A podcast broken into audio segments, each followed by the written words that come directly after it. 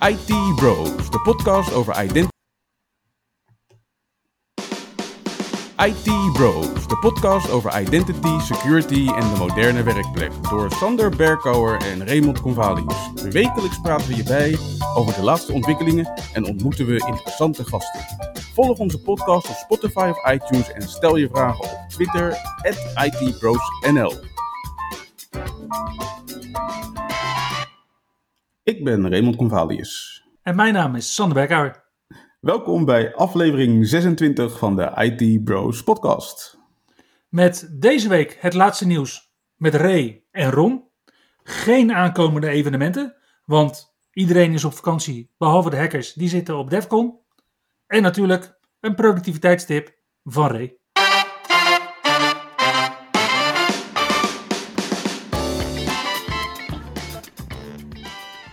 Het nieuws van de afgelopen week. Ja, voor de verandering laten we maar eens beginnen met Windows 11. Afgelopen week is er een nieuwe update uitgekomen van Windows 11 Insider Preview, build 22.100. En ehm, ja, die verliep bij mij niet 100% soepel. Bleek overigens een bekend issue te zijn. Uh, Windows Hello, face recognition ging stuk. En ik kreeg inderdaad een foutmelding die zei something went wrong. Vervolgens lukte voor mij inloggen met mijn PIN ook niet. Toen ben ik eh, online ingelogd met mijn eh, Azure ID.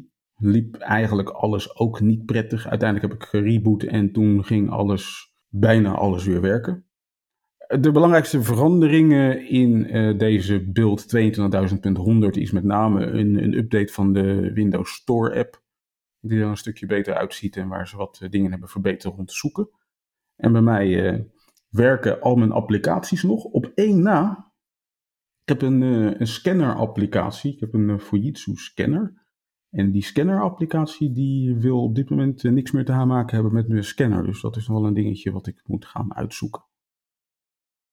En dat het upgraden van een insider preview soms lastig kan zijn, ja, dat snappen we. En dat, dat daar nog niet alles in werkt, snappen we ook.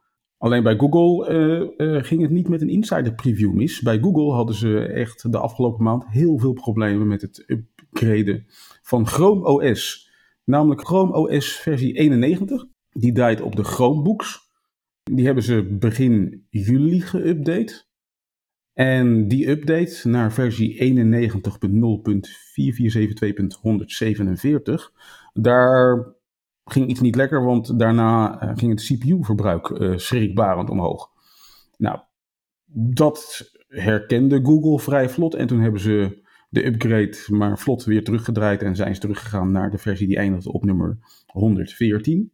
Alleen later in juli, namelijk op 19 juli, hebben ze weer een nieuwe versie gereleased. Die versie die eindigt op nummer 165. En toen die werd geïnstalleerd bij een aantal mensen, konden die mensen niet meer inloggen. Dat werd heel vervelend. Ook die versie werd dus uiteindelijk weer teruggedraaid, vrij vlot. Werd die weer teruggedraaid. En sinds 21 juli is er een versie uitgekomen die eindigt op nummer 167. En die versie, die doet het. Alleen wat je dus nu ziet bij Chrome OS is dat die Chromebook is een apparaat wat dus automatisch upgrade naar de laatste versie van Chrome OS. Eigenlijk een beetje hetzelfde wat Microsoft probeert te doen met Windows 10 Home Edition. En hieronder vindt dus Google eigenlijk min of meer hetzelfde als Microsoft. Dat als dat misgaat, dan krijg je de hele groegemeente over je heen. En zeker zeg maar die laatste update die misging. Nou, mensen hebben dus uitgevonden wat daar fout ging. Je kon niet meer inloggen omdat er iemand een ampersand was vergeten. En met die ampersand konden variabelen niet teruggehaald worden waarmee je wachtwoord wordt geëncrypt. Nou, dus ergens in dat kwaliteitscontrolesysteem van Google moet men toch echt wel dingen gaan verbeteren om uh, uh, ja, mensen te kunnen blijvend te kunnen laten vertrouwen op zo'n automatisch update mechanisme voor Chromebooks. Een ander item is Internet Explorer 11. Als je het mij vraagt, is deze browser uh, al heel lang dood en begraven. Maar als je hem dan toch nog gebruikt, hou er dan rekening mee dat Microsoft een jaar geleden precies heeft gezegd dat op 17 augustus uh, Microsoft 365 Internet Explorer 11 niet meer gaat ondersteunen. Dat is een jaar geleden aangekondigd. Volgens mij moest je een jaar geleden ook al geen Internet Explorer 11 meer gebruiken. Maar als je hem dan toch nu nog gebruikt, nu is het tijd gekomen om echt eh, te begraven en nooit meer boven water te laten komen. Als je echt niet anders kan, dan kan je het nog proberen met Internet Explorer 11. Maar dan krijg je bijvoorbeeld voor de Outlook Web App, krijg je Outlook Web App Lite in plaats van de volledige Outlook Web App in Internet Explorer 11. Maar uh, ja, ik hoop toch echt voor al mijn luisteraars dat iedereen toch echt al lang van Internet Explorer 11 af is gestapt. Microsoft is aan het bewegen richting subscription-based. En uh, subscription-based gaat ook gelden voor on-prem producten. En dat merken we met de nieuwe release van SharePoint. Namelijk SharePoint Server heeft nu een nieuwe versie gekregen en die heet SharePoint Server Subscription Edition. Het idee is dus dat je naar een hybride SharePoint-installatie uh, toe gaat. En je kan straks vanuit SharePoint 2016 of 2019 in place upgraden naar SharePoint Server Subscription Edition. Nou, deze editie draait ook op de aankomende Windows Server versie, Windows Server 2022. En uh, ja, er zitten een aantal verbeteringen in. Zo uh, gaat de encryptie naar TLS versie 1.3 gaat de authenticatie volledig OpenID Connect supporten en dus native support voor uh, multifactor authenticatie. En het is alleen nog niet bekend hoe Microsoft de licensing gaat doen van SharePoint Server Subscription Edition. Dus dat is nog even spannend. Op beveiligingsgebied was er ook weer nieuws afgelopen week. Ik denk dat een van de meer spannende dingen is geweest dat uh, Apple wel heel snel weer met een nieuwe versie van iOS op de proppen is gekomen. Deze week Precies een week na de release van 14.7 van iOS kwam iOS versie 14.7.1 uit.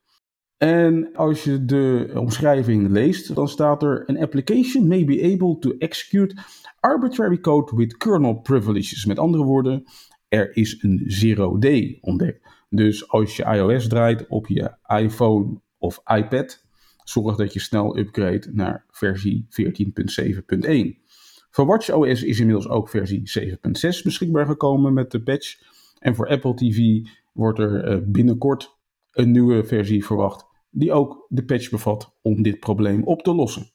En over uh, ja, security problemen gesproken, ook Microsoft, uh, ja, Microsoft heeft, heeft in juli gewoon een slechte maand gehad. Ik bedoel, ja, ik moest al een beetje denken aan zeg maar, hoe vroeger uh, Breno de Winter iets had bedacht, dat heette Lektober. Nou, als je het mij vraagt, had, uh, had, had, Microsoft afgelopen maand last van ULEC. De maand begon met uh, Print Nightmare, dus zich voortslepende nachtmerrie. Vorige aflevering hadden we het over uh, Serious Sam, waarbij dus bleek dat het bestand met de credentials van Windows voor alle gebruikers te lezen was, waardoor het dus vrij makkelijk was om een local privilege escalation te doen. En om de maand af te ronden kregen we afgelopen week weer iets nieuws voor onze kiezer, namelijk Petit Potam. En Petit Potam is er eentje die ook als uh, absoluut ernstig kan worden beschouwd. In de zin van dat het een mechanisme beschrijft waarbij je gebruik maakt van NTLM. Het oude uh, authenticatieprotocol wat nog in Windows zit. En waarbij je dus naar een willekeurige server kan connecten in je netwerk. En die willekeurige server kan vragen om het NTLM te authenticeren richting een certificate server, om daar vervolgens een certificaat op te vragen. En met dat certificaat kan je vervolgens met een tooltje, Rubius heet dat, een ticket granting ticket aanvragen. Als je dan dus als eerste server kiest voor een domain controller, dan beschik je dus aan het einde van dat project over de ticket granting ticket van de domain controller. Nou, met de ticket ticket van een domeincontroller in combinatie met Mimikatz ben je meteen eigenaar van het complete domein. Microsoft heeft inmiddels uh, gereageerd op Petit Potam en zegt dat ze er, nou, ik, ze zeggen het niet zo heel hard, maar uh, ze laten doorschemeren dat er geen patch komt voor Petit Potam, omdat er eigenlijk voldoende uh, manieren zijn om NTLM te beveiligen tegen Petit Potam. De meest voor de hand liggende is dat je uh, NTLM signing aanzet.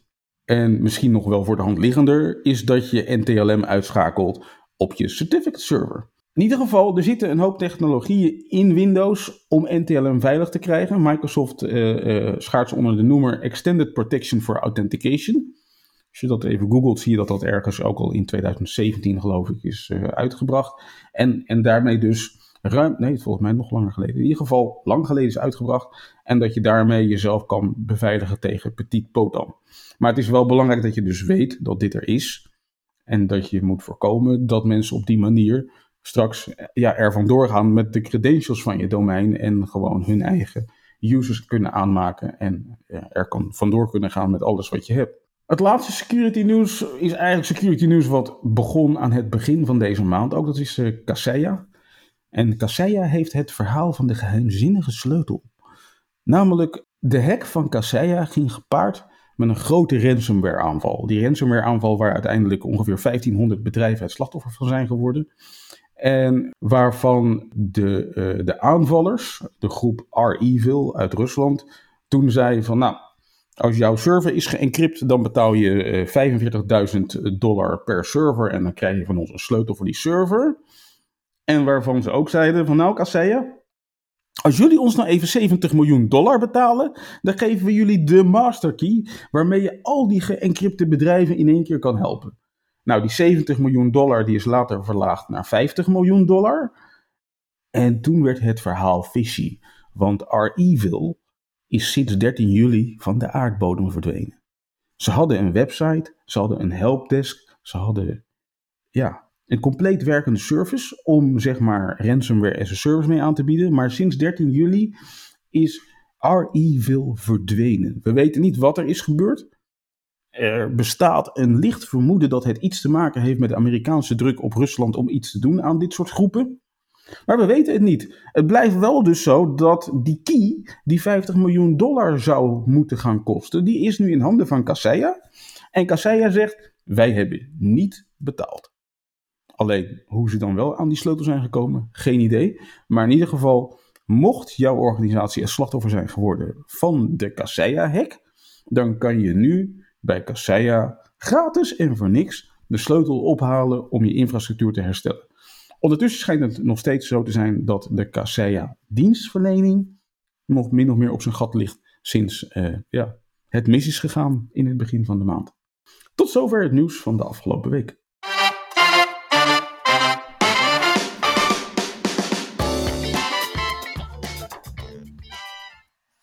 Het is weer eind van de maand en het is weer tijd voor onze maandelijkse gast Ron Onrust. Welkom Ron. Hey Raymond.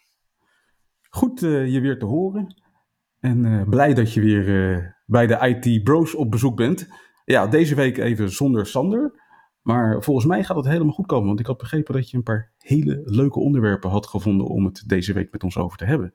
Ja, er zijn een paar actuele onderwerpen die we kunnen bespreken, zoals de cijfers van Microsoft die net een kwartaal en een fiscaal jaar heeft afgesloten.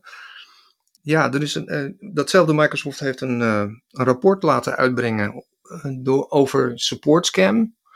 Dus de, de helpdesk fraude, zeg maar. Mensen die op, opbellen, zogenaamd van Microsoft, en dan nou ja, op de een of andere manier geld aftroggelen. Daar kunnen we het wel even over hebben. En er is een Britse consumentenorganisatie, die heet Witch met een vraagteken en erachter. En die hebben een rapport opgesteld over de prijs van printer-inkt. Hmm, ja, dat is een uh, puntje van aandacht volgens mij. Maar goed, uh, gaan we het er straks over hebben. Hartstikke leuk. Ja, laten we beginnen met de kwartaalcijfers. Ik, volgens mij heb ik gezien dat het goed gaat met, met Microsoft. Ja, dat is een beetje een understatement. het gaat verschrikkelijk goed met, met Microsoft. Um, en dat ook nog een keer drie kwartalen op een rij. Um, in, het tweede kwartaal, want we hebben het nu over het vierde kwartaal. Hè, dus het fiscale kwartaal dat uh, eindigt uh, ergens halverwege het jaar van, van Microsoft. Dus het vierde kwartaal, dat, daar, hebben we, daar zijn dus de cijfers van gekomen. Maar in het tweede kwartaal hadden ze een groei van 33% ten opzichte van het jaar daarvoor. En in het derde kwartaal was het 44%. En nu is het 47%. Dus ja, het is echt, uh, dat zijn enorme getallen. Ook de, de absolute getallen zijn. Uh, uh, Microsoft boekt een enorme marge. Dat geldt trouwens voor de, de meeste techbedrijven. Maar de omzet, de totale omzet in het afgelopen kwartaal was uh, 46,2 miljard dollar. En daarvan was de winst 16,5 miljard. Ja, dat, dat zijn gewoon enorme bedragen. Dat zou je... Gewoon in één kwartaal. In één kwartaal, ja. En uh, over, het, over het hele jaar was dat de totale omzet 168 uh, miljard. En uh, de winst was 61 miljard. Wow. Dus ja, als je een bedrijf hebt wat 61 miljard bij, bij kan schrijven in een jaar tijd, ja, dat, is, dat zijn leuke, leuke getallen. Ja, volgens mij waren de, de aandeelhouders hier ook wel enigszins op vooruit gelopen. Ik uh, zit sinds een, een, iets meer dan een half jaar ook in de aandelen. En ik kan me herinneren dat ik begin dit jaar volgens mij een aandeel Microsoft kon kopen voor pakweg 215 of 225 dollar. En op dit moment noteert hij al 290 dollar gewoon. Ja, en ik heb gelezen dat uh, Microsoft toch wel de de analisten in ieder geval heeft uh, verbaasd, toch nog? Want uh, zij hadden toch nog op een iets lagere uitkomst gerekend. Dus ja, dan, dan overtref je de verwachtingen en dan dat zijn meestal redenen voor toch weer meer koerswinst. Oké, okay, en, en wat waren de grootste cash cows? Ja, goed, ja, teams kan je natuurlijk wel raden, maar... Dat is ook niet veel veranderd. de cloud, dus alles wat met cloud te maken heeft, eh, dat zorgde op zich al voor een, een groei van 30%. En dan de business applicaties. Die waren bij elkaar ook goed voor zo'n 25%. En dan moet je denken aan Office en, uh, en LinkedIn. Dus LinkedIn levert ook een stevige bijdrage. Ja, en dan zijn ze, ja, eigenlijk zijn ze gewoon met die transitie zijn ze voor, soort, soort van aan het voltooien dat ze afstappen van het verkopen van licenties. Lijkt ja, dat zou je het eigenlijk bijna denken. Ja. Maar ja, die, die transitie naar de cloud, dat is natuurlijk een beetje, eh, dat, dat, is, dat is een oud verhaal al aan het worden. Uh, opvallend was toch ook wel dat ze bij de servers bijvoorbeeld uh, eh, 20% krimp boekten. Dus daar ging het weer wat minder dan. dus er waren ook wel op plekken wat minder kantjes aan. Ja, oké. Maar dat is dan bij de, de verkoop van services, bedoel je? Ja, ja. Ja, ja, ja goed, natuurlijk de, de, de engineers en consultants konden natuurlijk niet op, niet op locatie komen het afgelopen jaar. Dus ik denk dat dat wel uiteindelijk wel wat gekost heeft. Ja, dat weet ik eerlijk gezegd niet. Wel, overigens, die services die zitten in de personal computing groep en die groeiden toch nog met 9%. En dus uh, dankzij andere delen van, uh, van die groep. Ook, ook weer misschien uh, Office 365 personal misschien? Weet ik niet. Ja, dat, ja goed, en, en, dan geven ze natuurlijk Windows nu toch alweer een beetje een boost met Windows 11. Ik ben, ben benieuwd of dat ja, waarschijnlijk ergens in het laatste kwartaal van dit jaar wel weer iets, iets op gaat leveren. Ja, als je het allemaal zo bekijkt, dan, uh, dan zit uh, Microsoft gewoon helemaal totaal op rozen. Overigens, als we dat een heel klein beetje breder trekken, dan kun je dat, tot die conclusie komen voor de hele tech-bedrijven. want die grote bedrijven zoals Google, Amazon, Apple en Facebook, die, die komen allemaal zo'n beetje nu met hun, hun cijfers. En ik, ik las bij de The Guardian dat ook Google en Apple echt enorme uh, winsten hebben geboekt. Uh, dus ook groei weer, groei op groei eigenlijk. En The Guardian had becijferd dat van de, de SP 500-index, dat zijn de Amerikaanse grootste, 500 grootste bedrijven, dat ze uh, bij elkaar die vijf, dus Google, Amazon, Apple, Microsoft en Facebook, die vijf voor een derde de waarde van de totale SP 500 uh, vertegenwoordigen. Dat vormt ook wel een risico dan, denk ik. Ja, het toont aan dat, dat, die, dat die bedrijven zo waanzinnig groot worden. En, en dat, dat wordt een beetje eng gewoon, want dat worden een soort zwarte gaten waar alles in verdwijnt. En, en, en dat, dat wordt alleen maar groter. En uh, ja, ik, ik vind dat dat is gewoon niet meer gezond. Dus de, gelukkig zijn er in Amerika ook wat uh, tegenkrachten gaande op het ogenblik. Die worden opgestart, want ja, dit, dat wordt allemaal te groot hoor, denk ik. Ja, too big, too veel op een gegeven moment. En als er dan iets misgaat bij een van die bedrijven, dan is Leiden in last of is de, de S&P 500 in last? Nou, ik denk dat het eerder niet, heel slecht is voor de concurrentie de hele concurrentiepositie wordt helemaal verstoord door deze vijf bedrijven. Nou ja, dat zie je natuurlijk ook met de ontwikkelingen rond, rond Facebook, wat daar waar toch wel erg de focus op heeft gelegen de afgelopen jaren. Dat als die een bedrijf zien wat ook maar enigszins heel ver in de verte een bedreiging lijkt te gaan vormen, dan wordt het gewoon opgekocht. Ja, precies. Ik ben bang dat dat voor Microsoft en Google niet heel veel anders is. Kwartaalcijfers dus, de tech-industrie gaat goed. En uh, vooralsnog ziet het er niet uit dat daar grote veranderingen zitten aan nee, precies. Nou ja, als we dan toch bij Microsoft blijven, dan, dan zei je dat er, er was een onderzoek geweest naar de Microsoft support scams. Ja, ja, zo eens in de zoveel jaar. De vorige was in 2018 en uh, nu hebben ze weer een nieuwe aflevering laten maken van het Global Tech Support Scam Research Rapport. Dat uh, besteden ze uit aan een bedrijf, dat heet YouGov. En dat doet dan onderzoek. Uh, en dit keer hebben ze in 16 landen zo'n duizend mensen per land ondervraagd. En dan gaat het voornamelijk om, om consumenten. En met de vraag zo van, nou, uh, bent u benaderd door een, iemand van een helpdesk die u graag wilde helpen? en uh, wat was uw reactie daarop dan vervolgens? Ja. En het blijkt dat, um, nou ja, het is een, natuurlijk een oplichtingszaak. Uh, Als je opgebeld wordt door Microsoft, dan moet je eigenlijk al achter je oren gaan krabben. En het blijkt dat heel veel mensen, nou ja, toch wel redelijk direct de, de, de horen op de haak weten te gooien. Maar ja, er zijn natuurlijk altijd mensen die slachtoffer worden. Het grappige was dat dit keer was voor het eerst dat ook Nederland uh, betrokken was bij dat rapport. Dus we weten nu ook iets van de, van de Nederlandse cijfers. Zo'n zo'n 10% uh, verliest gewoon geld. Die, die trapt erin met open ogen. Wat opvalt is wel dat Nederland het iets beter doet dan, dan andere landen. Maar dat zal toch ook wel te maken hebben met uh, de taalbarrière, denk ik. Ik denk heel veel mensen, als die een Engels sprekende meneer aan de lijn krijgen. Niet iedereen is uh, zo heel erg uh, vloeiend in het, in het Engels. Dus ik denk dat dat ook wel meespeelt. Maar misschien dat wij Nederlanders ook wel iets nuchterder zijn in dat, dit opzicht. Dat weet ik Nee, dat weet ik ook niet. Ja, ik, vind, ik vind het wel grappig. Want kijk, ik, ik heb natuurlijk vanuit mijn werkfunctie nog wel eens te maken met Microsoft Tech Support. En, en die bellen me dus ook af en toe. En dan ben ik eigenlijk altijd, altijd heel scherp om nog even te checken van... heb ik nu te maken met de echte tech heb ik een paar van die scammers aan de telefoon uit India. Maar dat, uh, tot nu toe was het bij mij altijd de echte Microsoft Tech Support. Nou, als ze je vragen om je scherm te delen met je, dan uh, nou, moet er nou, een lichtje gaan branden, geloof ik.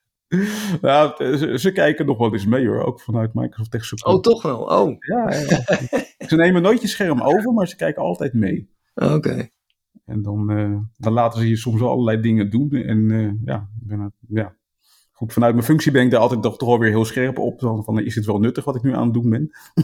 Ja, en is, er, is er zeg maar ook een land wat echt zeg maar uh, kampioen is in het erin tuinen? Ja, grappig is dat India heel erg hoog scoort in dat rapport van Microsoft.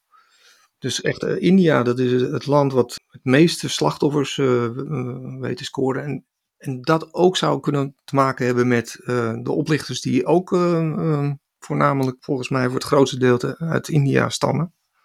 maar er is ook een ander onderzoek, kwamen wij tegen, van Avast, de Avast Threat Labs. En die hebben vorige maand ook hetzelfde onderzocht. En die komen juist weer tot een andere conclusie. die zien meer de, de slachtoffers in, in de VS. En ja, dat is ook wel weer een beetje logisch, want volgens mij zit er meer geld in de VS dan in India. Ik denk dat als je de, de gemiddelde persoon in India opbelt, dat hij niet zoveel te besteden heeft dan de gemiddelde Amerikaan. Dus ja, ik weet het niet. En ook overigens, Microsoft kwam tot de conclusie dat met name de groep van jongeren, tussen de 18 en de 37, uh, gevoelig waren voor dit soort uh, scams. Terwijl Avast weer de, de ouderen meer uh, slachtoffer zag worden. Dus. Ja, dan, dan ben ik toch eerder geneigd om Avast te geloven dan dat ik. Ja, ik ook. Dit rapport geloof. Ja, en wat ik dan wel bijzonder vind, is dat, dat, dat India blijkbaar heel veel slachtoffers kent van deze scams. En dan zou je toch hopen dat de Indiase overheid wat meer prioriteit hecht aan het uh, opsporen van dit soort bedrijfjes. Ja, want ik, eh, er zijn uh, YouTube-kanalen. Wij kwamen er net achter dat één YouTube-kanaal verdwenen is. Dat is van Jim Browning. En hij is op dit moment heel erg hard bezig om zijn kanaal weer nou ja, in de lucht terug te proberen te krijgen. Ik hoop dat dat lukt. Maar die maakte hele leuke video's over deze op, vorm van oplichting. En eh, ja, het gaat met heel veel intimidatie gepaard en heel veel. eh, het is, het is eh, bijna kromme tenen om er naar te kijken. Mensen worden gewoon eh, ja, gevraagd om het scherm eh, te delen. En dan wordt er meteen eh, malware geïnstalleerd. En dan wordt er geld zogenaamd overgemaakt. En, en, en die getallen worden gemanipuleerd. En dan wordt er weer gevraagd om geld weer terug te storten. En nou ja, dat, en, nou ja op die manier word je dus eh belazerd door je bijstand. Het is Ja. heel vervelend. Alleen, ik, ik vond het wel hilarisch de manier waarop Jim Browning van zijn YouTube-kanaal af is gekomen. ja. Hij is gewoon gebeld door een scammer en hij, is, hij heeft zich door die scammer laten overtuigen om, om, om zijn hele YouTube-kanaal te wissen gewoon. ja. ja, hij was overtuigd dat hij eh, YouTube eh, support aan de lijn had. Ja, en die wisten hem eh, zover te krijgen zijn YouTube-kanaal. ja, Oeh, en hilarisch. nu is hij dus met de echte YouTube support, eh, daar kwamen wij overigens achter via zijn Patreon-kanaal, wat nog wel in de lucht is. Is hij eh, bezig om, om te kijken of dat op de een of andere manier ge- ge- hersteld kan worden. Ja, Zo, pijnlijk verhaal dit hoor. ja, de, ja heel pijnlijk. de bedrieger bedrogen, zeg maar. Ja, nou ja, de, hij, is, hij is meer dan een, hij is eigenlijk een, een soort meester speurder. Ja, en dus de speurder die is nou eh, bedrogen. Ja. Tja, pijnlijk hoor. Heel pijnlijk. Maar goed, ik hoop, ik hoop dat Jim Browning binnenkort terug is met zijn YouTube-kanaal.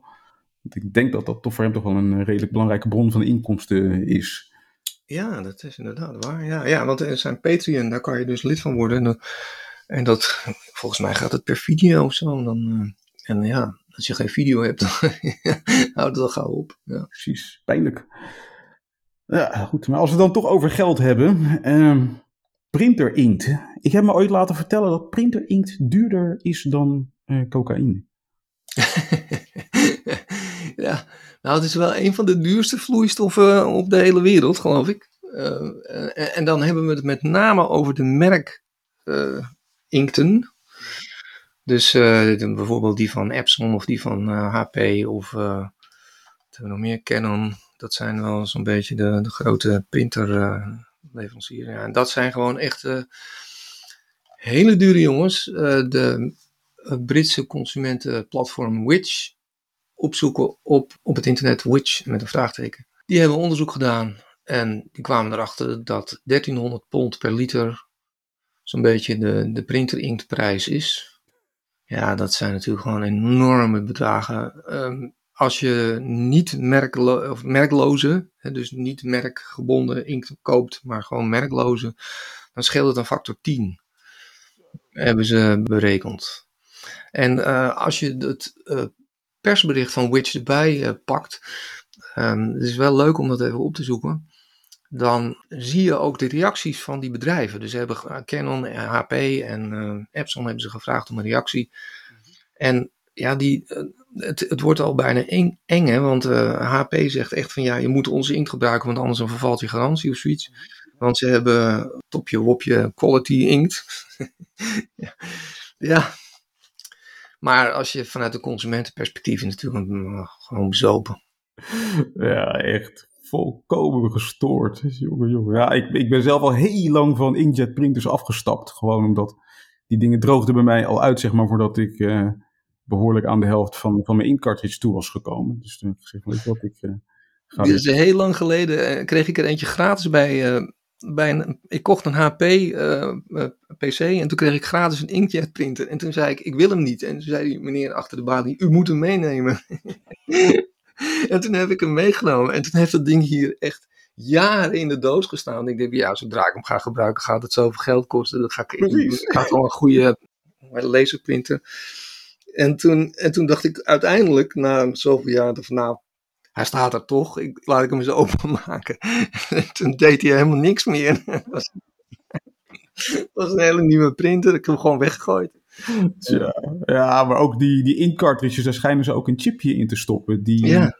eh, de datum registreert. En na een bepaalde datum stopt die er gewoon mee. Oh, oké, ja, dat zo? gebeuren er ook mee. Hè? Dus eh, Ach, ja, zo wordt dus ook de, de, de, de, de termijn waarop je dat ding kan gebruiken gewoon beperkt. Dus als die al niet uitdroogt, dan vertelt die chip gewoon van nou, nu ben je verlopen. Nu doe ik het niet meer. je bent te laat. Tijd voor een nieuwe cartridge. nee. de, ja, goed. ik vraag me wel af, in hoeverre is, is dit businessmodel nog houdbaar? Ik bedoel, we hebben nu corona. Printen mensen dan meer of minder?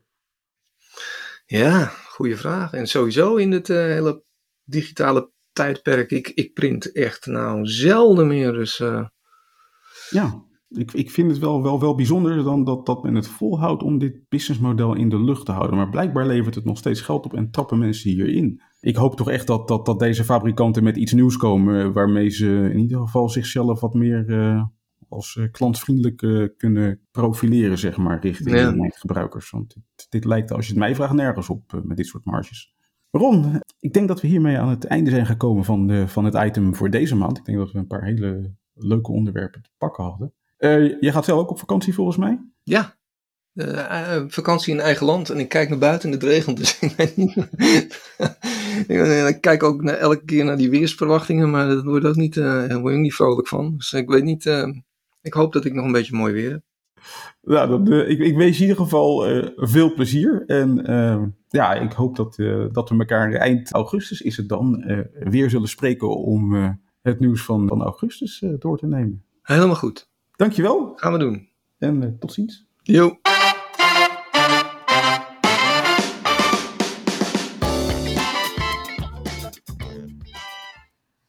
Ray, wat is de productiviteitstip van deze week? Deze week heb ik er eentje voor de gebruikers van Windows 11. Namelijk, als je in Windows 11 op zoek bent naar de Task Manager, kan je wel eens van een koude kermis thuiskomen. In ieder geval, als je gewend was om met je rechtermuisknop op de taakbalk te klikken en vervolgens te kiezen voor Task Manager, die optie is er niet meer. Dus wat je eigenlijk zegt is dat elke mouse-click support engineer een probleem heeft vanaf Windows 11. Nou ja, je moet even weten waar die zit. Hij is namelijk verhuisd niet meer naar de complete taakbalk. Hij zit nu onder je startknop. Dus je moet met je rechtermuisknop op je startknop klikken in Windows 11 en daar vind je de Task Manager. Oké, en Ctrl-Shift-Escape werkt natuurlijk nog steeds wel gewoon.